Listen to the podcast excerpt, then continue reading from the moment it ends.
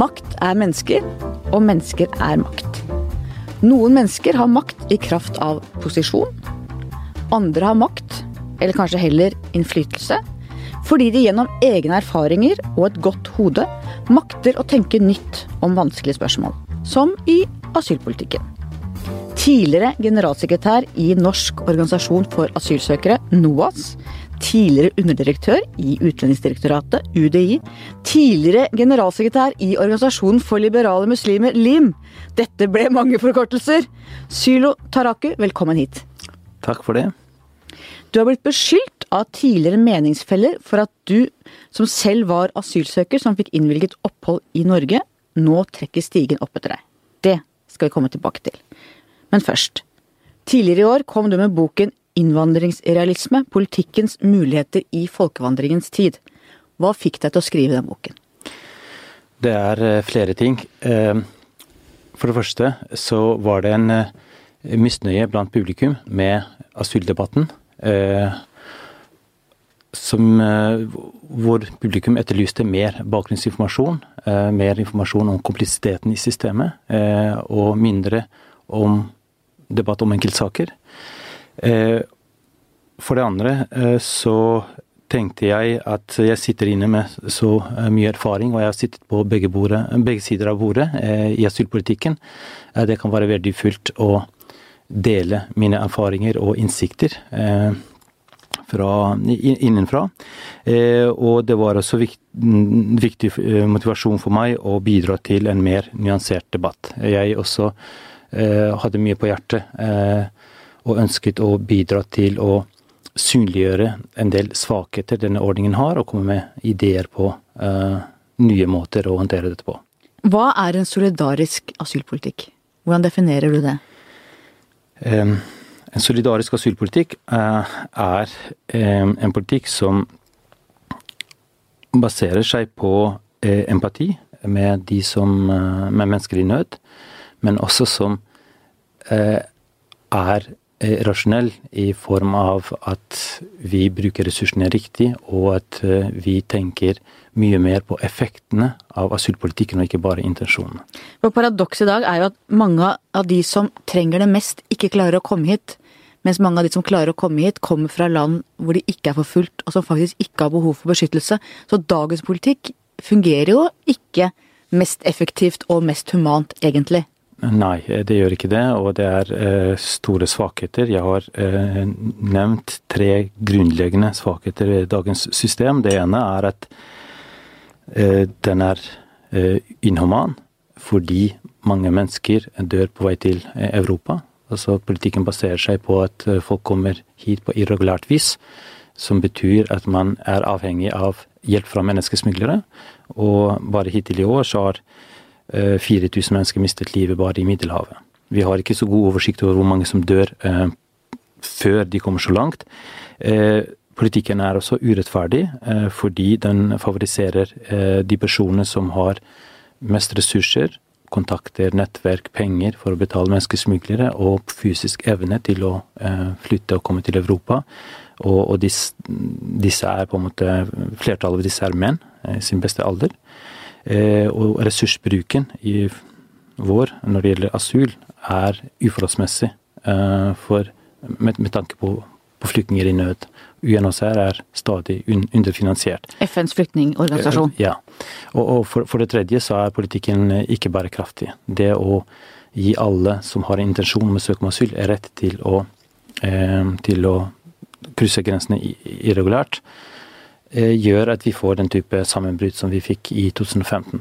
Når det kommer så veldig mange på kort tid, så klarer ikke våre institusjoner å, å, å håndtere det. Nå har jo Angela Merkel tatt til orde for å lage leire, flyktningleire i afrikanske land mm. på andre siden av Middelhavet. Er det en løsning, tenker du? Eh, ja, jeg tar til orde for nærhetsprinsippet når det gjelder krigsflyktninger. Um, vi, vi, må, vi, må, ta tre grep, eh, tenker jeg, eh, for å håndtere dette bedre. Det ene er det juridiske. At vi må reversere eh, flyktningbegrepet, som er blitt utvidet de siste 20 årene.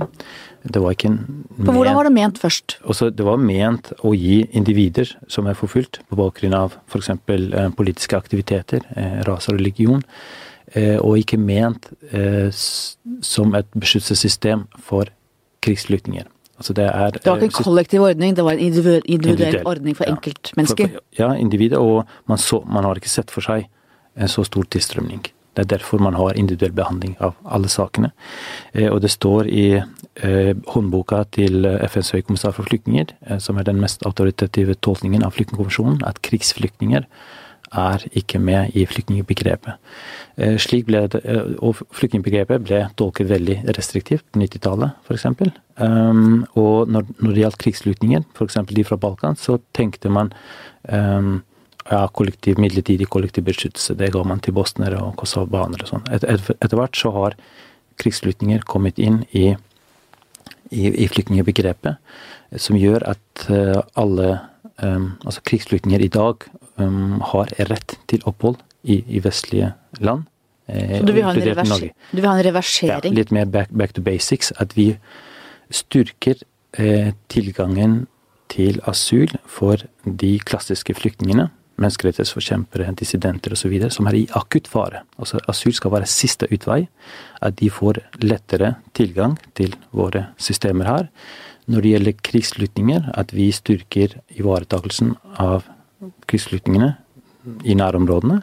Eh, men at man eh, kan ta imot krigsflyktninger via kvoteordninger. Så bedre beskyttelse for eh, de klassiske flyktningene og bedre beskyttelse for krigsflyktninger. Men når man, når man reverserer dette, altså disse, denne utvidelsen av flyktningbegrepet, så gjør det noe med menneskesmuglermarkedet også. Fordi eh, migranter og flyktninger tenker ikke bare på hvor man kan få um, hvor det er bra å bo, men også hvor man kan få innpass. Så rettigheter fungerer også som insentiv. Eh, du kom selv til Norge som 18-åring med menneskesmuglere, er det riktig? Nei. Jeg gjorde ikke det. Dette har jeg lest et sted? Jeg, nei, jeg brukte ikke menneskesmuglere, og vi hadde Vi trengte ikke visum, uh, vi, vi, som uh, kom fra Jugoslavia den gangen. Så jeg kom helt på regulært vis. Og, du satte deg på en buss? På, ja, ja, tok en buss og kom hit. Det var ikke dramatisk reise. Og det var en ung gutt og kom i Sandnessjøen i Nord-Norge. Mm. Mørkt og kaldt? Ja, men menneskene var varme, så jeg ble tatt godt imot. Og så presset du deg selv nærmest ut i arbeidslivet. Du fikk en midlertidig arbeidstillatelse av politiet, som de kanskje egentlig ikke helt hadde lov til å gi deg, men de så at dette var en ung mann som ville jobbe, som ville noe. Fortell. Ja, de fant ut at uh, jeg hadde rett til midlertidig arbeidstillatelse. Den gangen så fikk asylsøkere mulighetene til å jobbe. Jeg uh, ønsket ikke å være passiv uh, på mottaket. For tilværelsen i mottak er preget av avmaktsfølelse. At man mister helt kontrollen over livet sitt. Man blir passifisert. Eh, og via eh, mitt nettverk så fant jeg jobb på et gartneri. Eh, og ba om midlertidig arbeidstillatelse og skattekort, og det fikk jeg, og jeg begynte å jobbe. Hadde du erfaring som gartner hjemmefra, nei, eller? Nei, jeg, uh, Var du helt grønn, for å si det sånn? Jeg, jeg, vokste opp i en by, så det var veldig nytt for meg, men jeg tenkte noe må jeg gjøre. Så jeg lærte, og, og trivdes godt i, i, den jobben. Og etter flere år så tenkte jeg at det er slike jobber vi innvandrere skal ha, men når jeg spurte om fast jobb, så sa sjefen at eh, nei, eh, du får ikke fast jobb, du må eh, videre. Du må ta utdannelse, og du har bedre muligheter, og du har potensial osv. Og, så og det var en vekker for meg. Tenker du at uten henne så hadde du fortsatt vært på gartneriet? kanskje ikke hit, helt til nå, men, men, det var en vekker. Og, og det, da snakker vi om det enkeltmennesket som ser deg, og som kan gjøre et forskjell i livet. Ja. Har du kontakt med henne ennå, eller? Jeg, jeg, har ikke så mye kontakt, men jeg har hatt kontakt ja, de, de, siste årene. Og hun uh, Ja. Hun vet at jeg nevner denne historien også. Jeg setter veldig stor pris på uh, akkurat det rådet. Og det er egentlig en beskjed til alle som kommer i kontakt med asylsøkere eller innvandrere. At du ja. må se mennesker som de de er, og må pushe dem litt. Nettopp. Uh, se potensialet i dem. Altså respektere i form av at man ser potensialet og og har forventninger til at de kan gjøre det bedre. For jeg, jeg trodde først at hun var misfornøyd med min jobb, men det var snarere tvert imot. Ut herfra. ja. Du har vært opptatt av dette med offerrollen. Både den rollen innvandrere tildeler seg selv, og den de blir tildelt. Hva legger du i begrepet offerrolle? Altså, det har kanskje en sammenheng med, med de erfaringene fra det tidlige Jugoslavia. Også. Eh, de eh, erfaringene derfra er en viktig del av min bagasje. Det at uh, ulike grupper, også etniske grupper, spilte veldig mye på offerrollen. Hadde en sånn offerfortelling hele tiden. Vi har blitt undertrykt hele tiden, og vi har vært ofre, og alle andre har vært undertrykkere og sånn. Bidrar til å er, er destruktivt. Og jeg mener også at i forbindelse med integreringen også er et jeg, jeg, liker ikke den uh, offertenkningen. Selv om man skal uh, selvsagt uh, beluse diskrimineringen og alle de ubehagelighetene man, man, møter i det norske samfunnet. Men man har også muligheter, og at vi bør være flinkere til å fokusere på mulighetene. At hvorfor noen klarer seg, og, og hva skal til, hva minoritetene kan selv gjøre for å bedre sin situasjon. For offerrollen kan bli et fengsel, på en måte, som gjør at ikke du kommer deg videre? Ja, ja, ikke sant. Og det, det blir en uh, gjensidig uh, forsterket når, når, man også hører hele tiden fra storsamfunnet at man er et offer. Uh, så, sånn sett så liker jeg diskursen i USA på dette feltet bedre når man har veldig stor, stor tro på at enkeltmennesker kan klare seg, og at vi må ha sterk tro på sosial mobilitet, som tross alt er bedre i Norge enn i USA, selv om de tror mye mer på det enn oss. Og det tenkte jeg på, vi bodde, min familie og jeg, tre år i USA. Eh, og snakket mye om at hvis vi hadde blitt boende der, så ville vi av naboene våre blitt sett på som amerikanere ganske kjapt. Mm. Da hadde vi vært de amerikanerne i gata. Mens her, så ville hvis våre amerikanske naboer flytta hit, så ville de for evig tid være amerikanerne i gata. Ja, det um, tar lengre tid i Norge å, å få et vi-identitet. Eh, jeg har også tenkt selv at uh, hvis jeg hadde flyttet til USA, så hadde jeg sikkert ganske fort um, kunne sagt uh, vi amerikanere gjør sånn og sånn. Mens i Norge uh, så tenkte jeg at vi nordmenn, hvis jeg sier vi nordmenn um, pleier å gjøre sånn, blir litt Eh, da blir man litt usikker. Kan jeg si det? Hvordan vil det bli oppfattet ja, Hva sier du nå? Nå har du bodd her ja, nå, nå over si, halvparten av livet ditt. Nå, nå, kan jeg si det, nå føler jeg meg mye tryggere på det, men mange, har, eh, mange er litt usikre om de kan identifisere seg som norske. Og hva ser du deg som? Er du eh, jugoslav, eks-jugoslav, Kosovo-albaner, nordmann, drammenser? Hva er din hovedidentitet? Også jeg føler meg trygg eh, som norsk eh, statsborger eh, og som europeer eh, med kosovobanske røtter. Så jeg føler meg veldig hjemme i, i Norge. Jeg tror du kan si at integreringen i, i, Norge har vært relativt vellykket på mange felt. Eh, sammenlignet med Sverige f.eks., så ser vi at der er det mye som eh, går gærent både når det gjelder debattklima og det gjelder at de har mye tøffere områder hvor mm. politiet er redde for å gå inn, hvor det går inn ikke en politimann aleine. Hva er det som har skjedd med Sverige, nabolandet vårt? Eh, jeg har også vært i noen av disse gettoene og opplevd eh, situasjonen på Nærholt. Blitt også kastet ut i, fra en av gettoene på, på Husby. Eh, og det eh, Altså, man har hatt en segregeringsprosess der som man ikke har tatt eh, på alvor. Eh, det, er noe med institusjonelle løsninger også. Det at flyktninger har hatt muligheten til å velge selv hvor de skal bo. Da har de konsentrert seg rundt noen store, store byer. Og man har ikke hatt områdesatsinger slik Norge har i forhold til Groruddalen, og nå ønsker man å satse litt mer på, på fjell, så disse områdene har blitt på en måte glemt. Og Eh, man har en samling av mange unge menn også, som i seg selv er, er ganske eksplosivt, ikke sant. eh, og mange arbeidsledige, så det, det, det, er ganske, det er ganske sånne naturlige eh, prosesser egentlig som har ført til at eh, det, har blitt sånn. Det er mye frustrasjon, mye mistillit, veldig lite kontakt med, eh, med svensker. Eh, og da altså du har både sosiale, sosial ulikhet, sterk sosial ulikhet, som er kombinert med etnisk eh, ulikhet, som, som, gjør situasjonen eksplosiv. Men, men, i Norge har vi heldigvis unngått de verste. Måte, tror du også det har sammenheng, Nå blir det kanskje litt Sverige-nedsettende snakk her, men tror du også det handler litt om at Sverige er et klassesamfunn hvor du har en elite som i utgangspunktet ikke har hatt noe særlig kontakt med folk nedover systemet fra før heller? Uh, jeg ja, det er et paradoks at man på den ene siden uh, sier 'velkommen skal dere være', på den andre siden så ønsker man ikke å bo sammen uh, ja. med, med, det man ønsker ja. 'velkommen til landet'. Uh, og det, det, dette, altså Hvit flukt er et fenomen. Når innvandrere konsentrerer seg i et område, så pleier majoritetsbefolkningen å flytte ut. Og det oppgir forskjellige grunner. En av grunnene er, er kvaliteten i skolene for barna. Eh, I Sverige oppgir svenskene trygghet som en viktig grunn også. Blir... Men hvis, hvis, vi ser på Oslo, um, så er det jo veldig delt i Oslo også. Du har noen uh, bydeler og noen skoler hvor det nesten bare er minoritetsspråklige, og så har du andre mm. hvor det knapt fins minoritetsspråklige. Og det er jo en vei til trøbbel. Jeg tenker at Man må på et eller annet vis finne en måte å utjevne så det blir en, en bedre miks på alle skolene. For det er verken bra å vokse opp i et miljø hvor det ikke er noen med en annen bakgrunn enn din egen, eller å vokse opp i et miljø som er det stikk motsatte?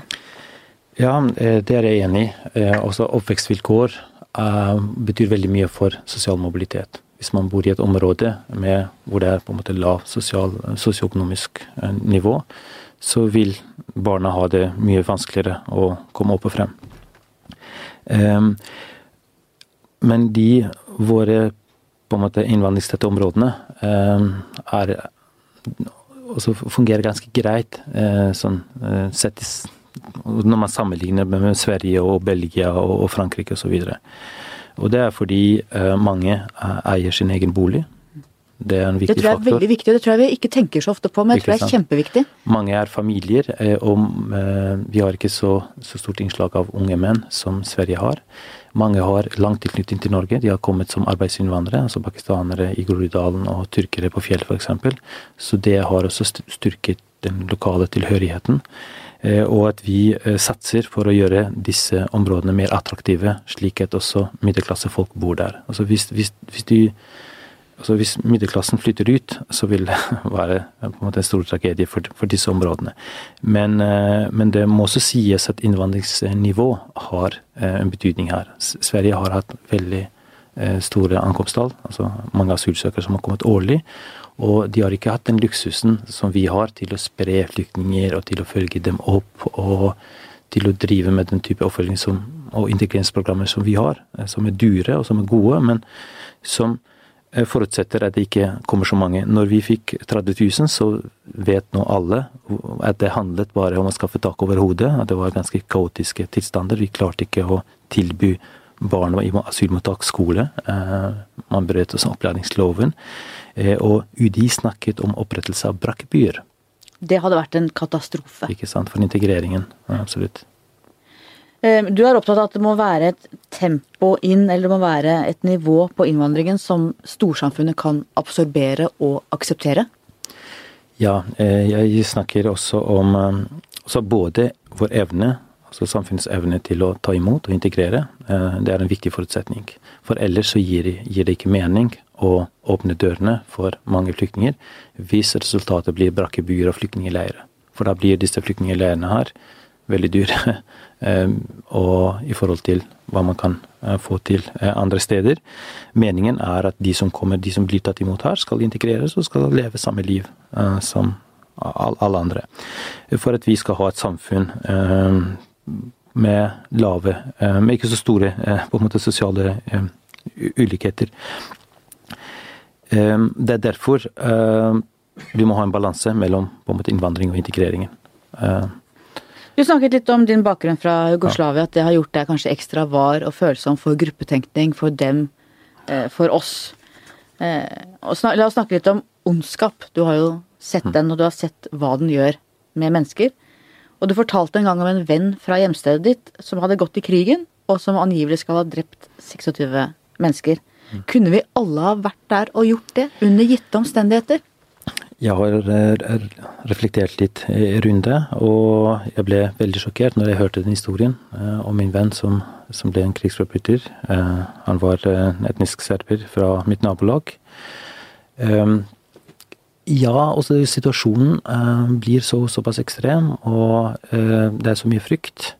Og det, er, det blir nesten sånn Enten så skal jeg, jeg overleve, eller Altså, ja. Man, man tenker man tenker at man er i fare. At, uh, og, og, det at man blir rekruttert og hører til en gruppe, blir manipulert og, og, og man forventes til å gjøre, gjøre, ting. Og når man først bryter ned den barrieren, uh, så, så, så, blir det fort um, sånn at man bare fortsetter uh, med forbrytelsene. For det, er, det har vært en veldig sterk dehumaniserende retorikk, eh, der fienden blir demonisert, hvor det altså menneskelivet betyr ikke så mye. Og det fører til at mange begår eh, grove forbrytelser. Det er, eh, man har undersøkt litt bakgrunnen til de som har begått forbrytelser, og det er ikke noe monstre. Det er vanlige mennesker som har hatt helt vanlige liv, men som i en gitt, i en ekstrem situasjon har blitt ekstreme. Og hva skjer egentlig, dette har jo du sett på nært hold, når mm. gamle venner og naboer brått blir fiender på liv og død? Nei, det er helt uh, Det er utenkelig at uh, ting kan skje så fort. Um, folk har blitt selv sjokkert der. Hvordan de kunne leve sammen og være kolleger og naboer og gifte seg med hverandre. Og så plutselig, i løpet av veldig kort tid, at du kunne At Um, at man kunne gå løs på hverandre på den måten, med etnisk rensing og, og blodbad. Uh, det er eh, den frykten uh, som nasjonalistene uh, skapte. de utnyttet det vakuumet etter kommunismens fall. og de progressive kreftene sov i timen og tok ikke på en måte ansvar for å være et alternativ. eller et, et seriøst alternativ og bidra til å på en måte opprettholde samholdet. Eh, eh, så det er eh, veldig mange ting som gikk galt. Men det må også sies at før det så hadde vi et regime som la lokk på alle konflikter.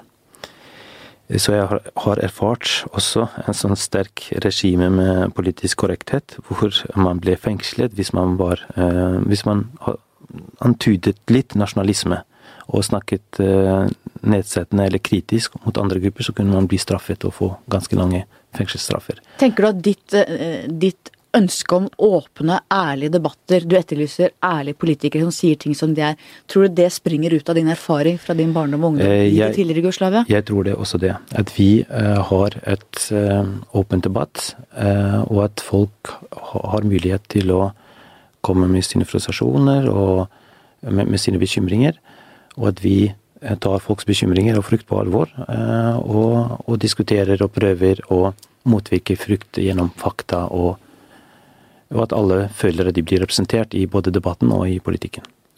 Jeg husker da, det begynte, da krigshandlingene begynte i tidligere Jugoslavia. Eh, jeg husker Det som gjorde mest inntrykk på meg, var tanken på at sivilisasjonen er et så utrolig tynt lag. Én ting var at det var kriger i andre verdensdeler, at det var langt unna, men i Europa, plutselig, midt i Europa hvor jeg vokste opp, det var skremmende, for at det fortalte oss noe om meg, om oss, om menneskene. Ja, det er veldig, veldig skremmende, men eh, jeg har tenkt litt på eh, om en slik scenario kan skje i, et land som Norge, og jeg tenker at det er en del forutsetninger som gjør at det ikke er så stor risiko. Eh, det ene er at man ikke har, har, tradisjon med den type konflikt fra før. Eh, veldig viktig faktor. Man har et eh, veldig Eh, høyt utdannet eh, befolkning eh, og veldig stor tillit. Så det er veldig vanskelig i Norge for nasjonalistiske krefter som ønsker å spille på frykt og ønsker å skape fiendebilder, og på en måte få stor gjennomslag. Eller ja, påvirke og skape fiendskap. Ja. Ja, jeg tror at vi, er, vi som er født her, er, har skutt en slags gullfugl. Det er jo et av de mm. fredeligste hjørnene i verden. Men så samtidig, nå denne helgen markerte vi at det er 1942 på dagen så sendte nordmenn ut jøder til dødsleiren. Det er klart vi har noen eh, skampletter og vi har noen, eh, noen Ja. forhold som vi ikke skal være veldig stolte av. Absolutt. eh, Og, og jeg tenker også at en del eh, nye innvandrere til Europa, som ikke kjenner eh, Europas historie eh, godt, eh, glemmer at det kan gå fryktelig galt også her, med, med tanke på de historiske erfaringene. Eh, så, så alle har et ansvar for å bidra til at, eh, at vi ikke får økende polarisering og økende frykt. Faren din han var kommunist og tilhenger av Tito, landsfaderen som holdt Jugoslavia sammen med jernhånd. Fortell litt om faren din. Jo, altså han var en eh, fagforeningsleder som eh, trodde veldig på eh, en samlet Jugoslavia, og, han var veldig opptatt av arbeidernes rettigheter.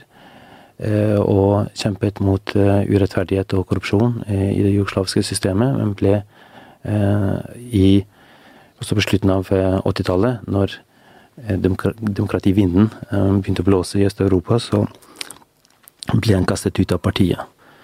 Eh, Og følte, han, han følte seg helt knust for det å bli kastet ut av det kommunistiske partiet. var- Hvorfor ble han kastet ut? Jo, fordi han eh, ble oppfattet som å være litt for kritisk og, og dissident. Eh, og, og han bidro også til, å, til noen demonstrasjoner da, mot, mot regimet, eh, mot Milosevic-regimet.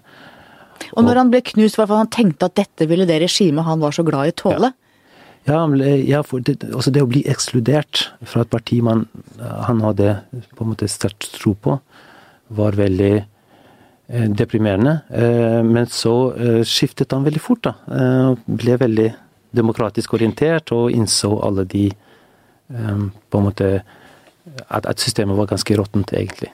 Var hans snuoperasjon viktig for deg og din utvikling? Nei, altså det Han har jo vært opptatt av, av rettferdighet. Eh, og Jugoslavia var ikke et så lukket samfunn som mange andre kommunistiske land. Var kommunisme Man- light, egentlig. Ikke, ja, ja. Man hadde litt eh, markedsøkonomi også, at eh, man kunne ha noen sånne små butikker selv og eh, man, ja. så, så det var ikke så planøkonomi eh, som mange andre steder, og man var mer eh, veldig overfor Vesten enn det mange andre eh, kommunistlandene var.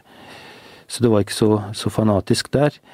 Eh, men, eh, men korrupsjonen var omfattende. Og at, at stolt, du må være litt stolt av faren din. Hm? Du må være litt stolt av faren din når han tok disse oppgjørene. Ja, absolutt. Han, han har fungert som, som inspirasjon for meg, absolutt. Og moren din, hvordan var hun? Ja, hun, eh, hun jobbet i en periode i en fabrikk, eh, men så var hun også mye hjemmeværende. Tradisjonelt. Ja. Ja. Eh, religion var jo også en del av striden i Jugoslavia, hvor ulike religiøse grupper kom mot hverandre. Og du er selv muslim. Eh, I ulik grad, i ulike perioder, må vi vel eh, kunne si. Du har vokst opp i en ganske sekulær familie. Kom alene til Norge og ble da en, i en periode en troende og ivrig muslim. Hva skjedde? Ja, jeg tror det er noe med eh, Med den situasjonen jeg var i, hvor jeg eh, var på søken etter ny identitet. Eh, og jeg kom i kontakt med noen muslimer som spurte meg om jeg var muslim, og, og når jeg svarte at jeg ikke kunne noe særlig om islam, så, så, så lærte de meg, og jeg begynte å tro og, og være praktiserende. Men etter hvert så eh, forlot jeg troen, og jeg definitivt eh, forlot islam og meldte, inn, meldte meg inn i Human-Etisk Forbund etter karikaturstriden i, i 2006 og 2007. Var du der at du kunne blitt radikalisert i den første perioden? Um, altså jeg var veldig skuffet over at Vesten ikke eh, solidariserte seg med muslimene i, i, i eks-Jugoslavia. Og eh, jeg var ganske overbevist eh, i en periode, særlig under krigen i, Bosnia, at det skyldtes at eh, det var muslimene som var ofre. At man ellers hadde reagert hvis, hvis kristne eh, ble behandlet på den måten. Eh, Men, eh, men jeg tok feil, fordi eh, eksempler fra det tidlige Jugoslavia viser jo at eh, Nato-land, kristne land, altså hvis man skal kalle det dem det, eh, intervenerte og hjalp muslimene. Og det er noe som mange muslimer glemmer når de snakker om vestlig eh, utenrikspolitikk. Og som har bombet kristne serbere for å redde muslimer. Og Hvordan ser du religionens plass i det norske samfunnet? Eh, Norge, og som Norge er et veldig sekulært samfunn. Eh, selv om man har kanskje ikke vært så sekulær når det gjelder skillet mellom stat, stat og, og, kirke, så er samfunnet veldig sekulært. Og det, et, det gjør det veldig vanskelig for mange nordmenn å forstå de som er veldig religiøse. Eh, så vi opplever en del spenninger pga. at det kommer veldig mange mennesker som er veldig religiøse, og for dem betyr religion veldig mye, til sekulære samfunn som har liten forståelse for religiøsitet.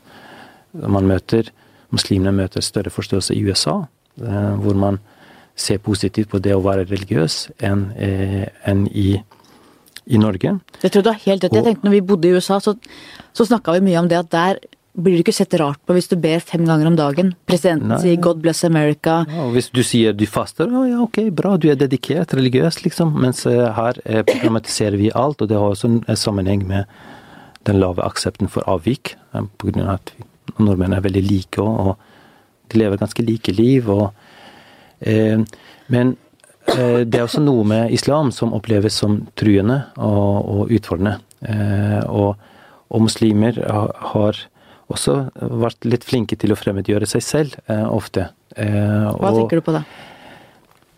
Det, altså karikaturstriden har hatt en veldig negativ effekt. Ja, det tror jeg du har helt rett i. Ja. Eh, det, mange, mange, ser på 11.9 som et slags skille, mm. men jeg tror ikke det har påvirket så mye som eh, karikaturstriden. Det begynte vel egentlig med sataniske vers, Salman Rushdie. Det var da man tente en ilden på den altså, globaliserte muslimidentiteten, mm. på et vis?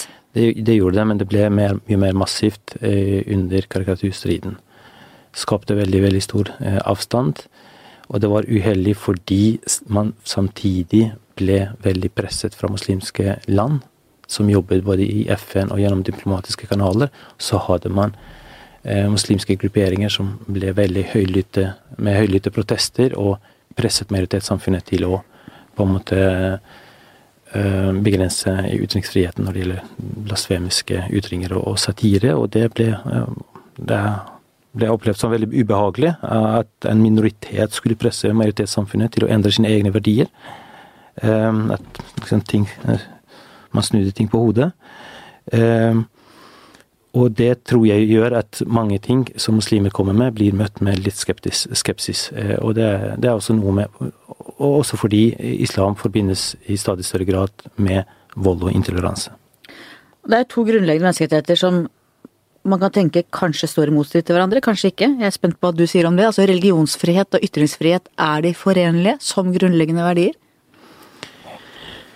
Eh, de er forenlige i den forstand at religionsfriheten forutsetter uh, ytringsfrihet. For hvis du, uh, hvis du, ikke har ytringsfrihet, så kan du ikke um, altså, kan du ikke bli religiøs og lese dine hellige bøker og formidle Koranens budskap og prøve å få andre til å bli muslimer, hvis du ikke har ytringsfrihet.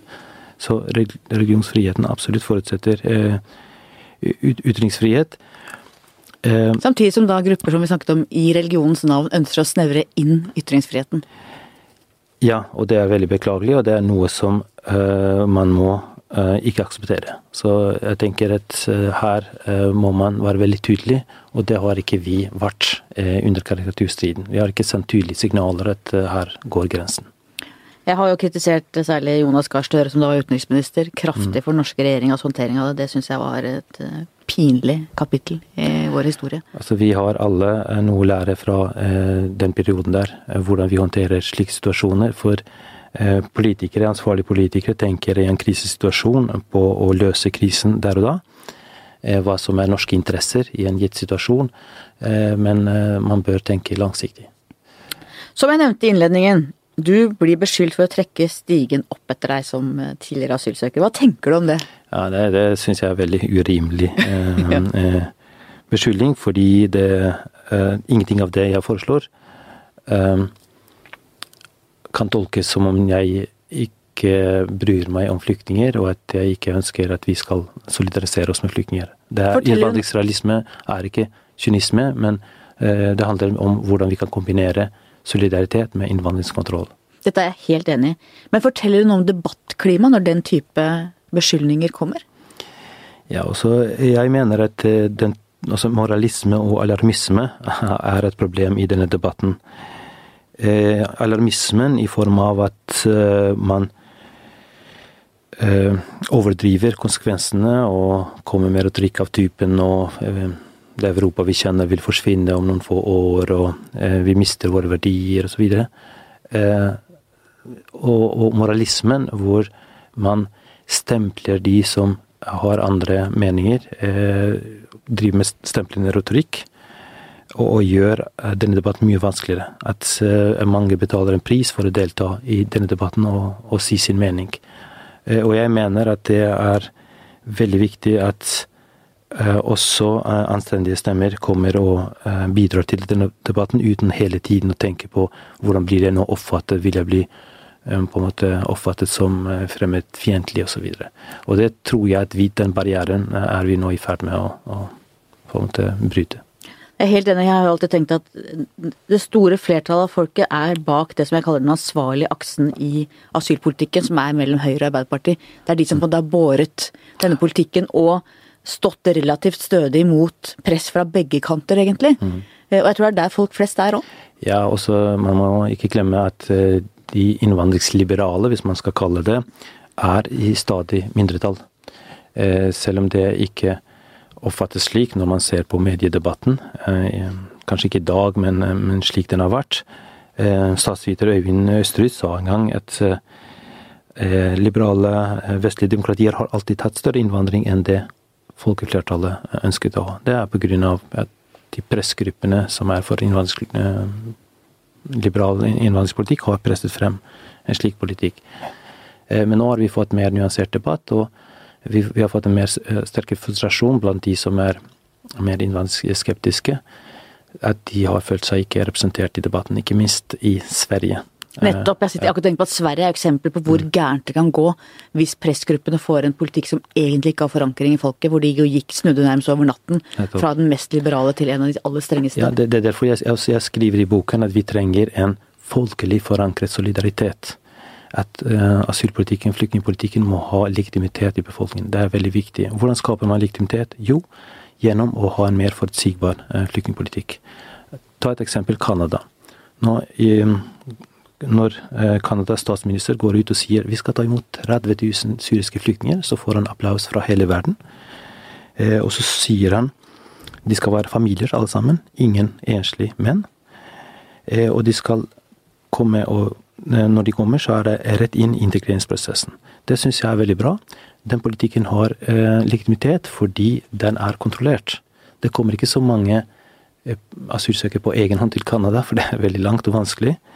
Eh, da bestemmer de selv hvor mange de skal ta imot, og hvem de skal ta imot. Og ikke minst, jeg husker Frode Forfang, UDI-direktøren, har også vært her, og han fortalte da om det som han kalte kulturell orientering. At de som kommer, da får de beskjed om at i Canada så kommer barna dine til å gå i klasse med både gutter og jenter. Vi forventer at kvinnene jobber. En sånn kulturell orientering som gjorde at de som ikke var bekvemme med det, de fikk dra et annet sted. Og det er også en viktig del at du vet hvilket samfunn du kommer til og hvilke regler som gjelder der. Ja, eh, man bør bli realitetsorientert på forhånd, slik at man kan eh, reflektere litt over det. Og, og jeg hører fra eh, folk som jobber med å ta og så velge de kvoteflyktninger som Norge skal, skal ta imot her, at noen trekker seg når de hører litt om hvordan, hvordan ting er her. Og det er i grunnen like greit, da? Ja, absolutt. Og det verste er når folk føler seg invitert, som den retorikken man hadde sommeren 2015, og så blir man møtt med restriksjoner og innstramninger som man ikke kunne tenke ville komme. De føler seg sviktet, og at mange har da investert veldig mye og risikert livet og kanskje ja, familiene ble delt osv. Så så, og at det er veldig, veldig mange tragedier eh, forbundet med det. Og vi bør ha eh, en politikk som gjør at vi um, i større grad selv bestemmer gjennom politiske debatter og politiske beslutningsprosesser hvor mange som skal komme, og slipper å være brutale overfor de som allerede har sluppet inn. Så vidt jeg vet er vi begge Jeg vet jo at jeg er ja-menneske, i til, men jeg tror du også er det? absolutt. Ja. Eh, og da er det litt forstemmende å se hvordan EU har håndtert flyktningkrisen. De klarer ikke å bli enige om kvotefordelingen. Eh, de klarer ikke å, å, bli enige om noe som helst, egentlig. Hva tenker du om hvordan EU har stått i dette? Jeg er eh, ikke så fornøyd med eh, hvordan EU har håndtert dette. Det EU har vært flinke de siste årene, er regelverksutvikling i form av rettighetsfesting og forpliktelser til medlemslandene. Man har kommet ganske langt med å utvikle et regelverk, ganske omfattende. Men man har ikke kommet veldig langt i å harmonisere asylpolitikken. Det er fortsatt veldig stor, store forskjeller i asylpraksis, og landene er veldig forskjellige. Det man ikke har eh, lykkes eh, noe særlig med, er samarbeid med avsender- og transittland. Så returavtaler. Man trodde at EU, når EU på en måte EU-institusjoner handlet liksom på vegne av alle medlemsstatene, at man lettere kunne få i stand returavtaler.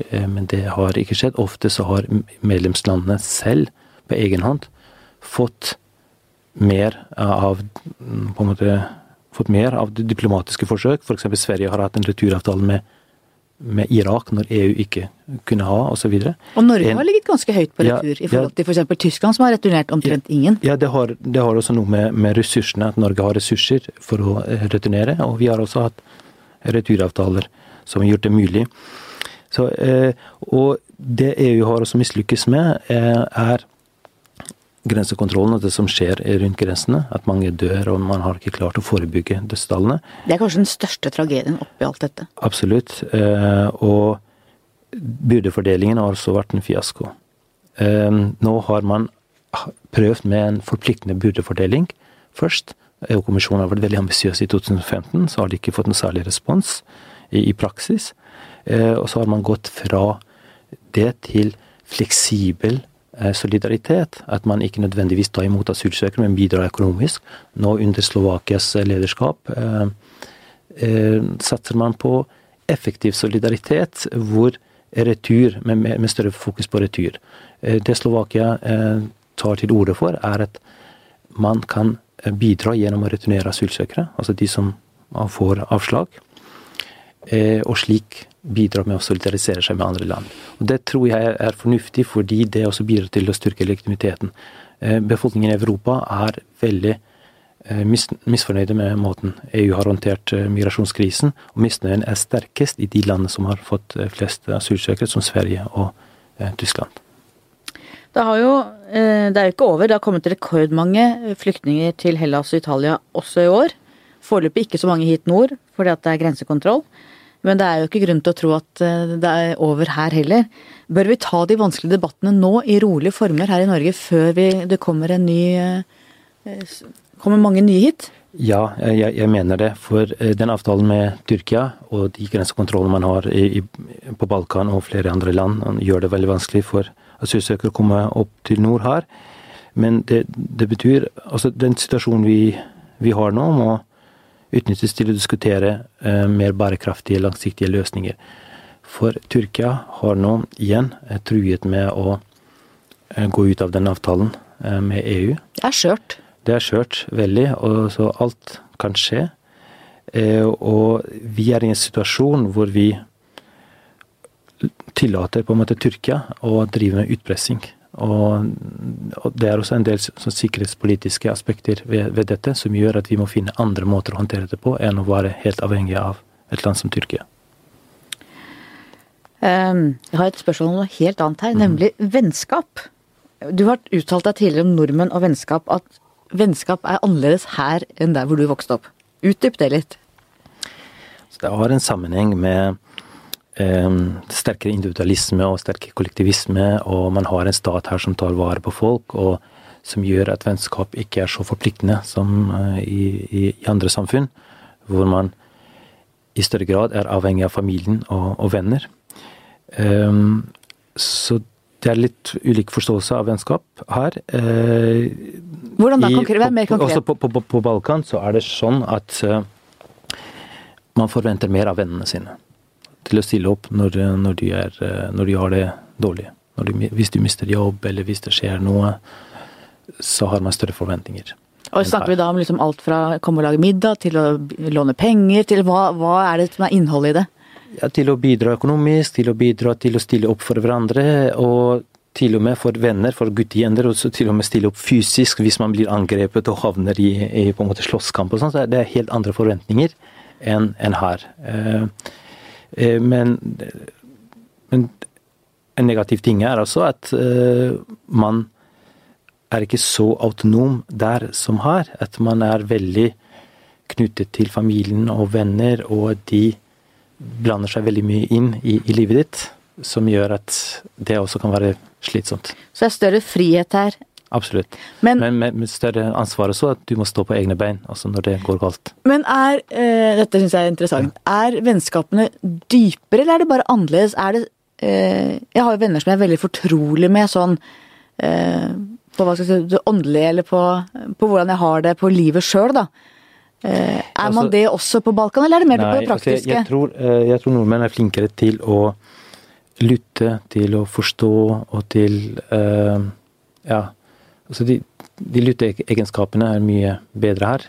Uh, men der er det mer sånn forventninger som man føler som en slags forpliktelse. Det betyr ikke at det er mer kjærlighet der enn her men mer følelse av forpliktelse. Så vennskapene er mer praktisk innretta på en måte? Kan man si til en god venn på Balkan at nå føler jeg meg veldig usikker? Jeg er lei meg. Eh, Nei, det, jeg har det vanskelig. Eh, ja, sikkert forskjell mellom kvinner og menn der, eh, men for menn så er det ikke så vanlig å vise svakhet. Det er interessant, da. Til slutt, mitt faste spørsmål. Hva skal være historien om deg? Sylo Tarako, det var han som som var en konstruktiv stemme som eh, bidro til å eh, bygge ned polarisering og splittelse, og var veldig opptatt av samhold. Veldig bra. Tusen takk for at du kom. Takk til deg, ja. Takk til deg som hørte på. Takk til vår faste produsent Magne Antonsen. Vi høres igjen neste uke.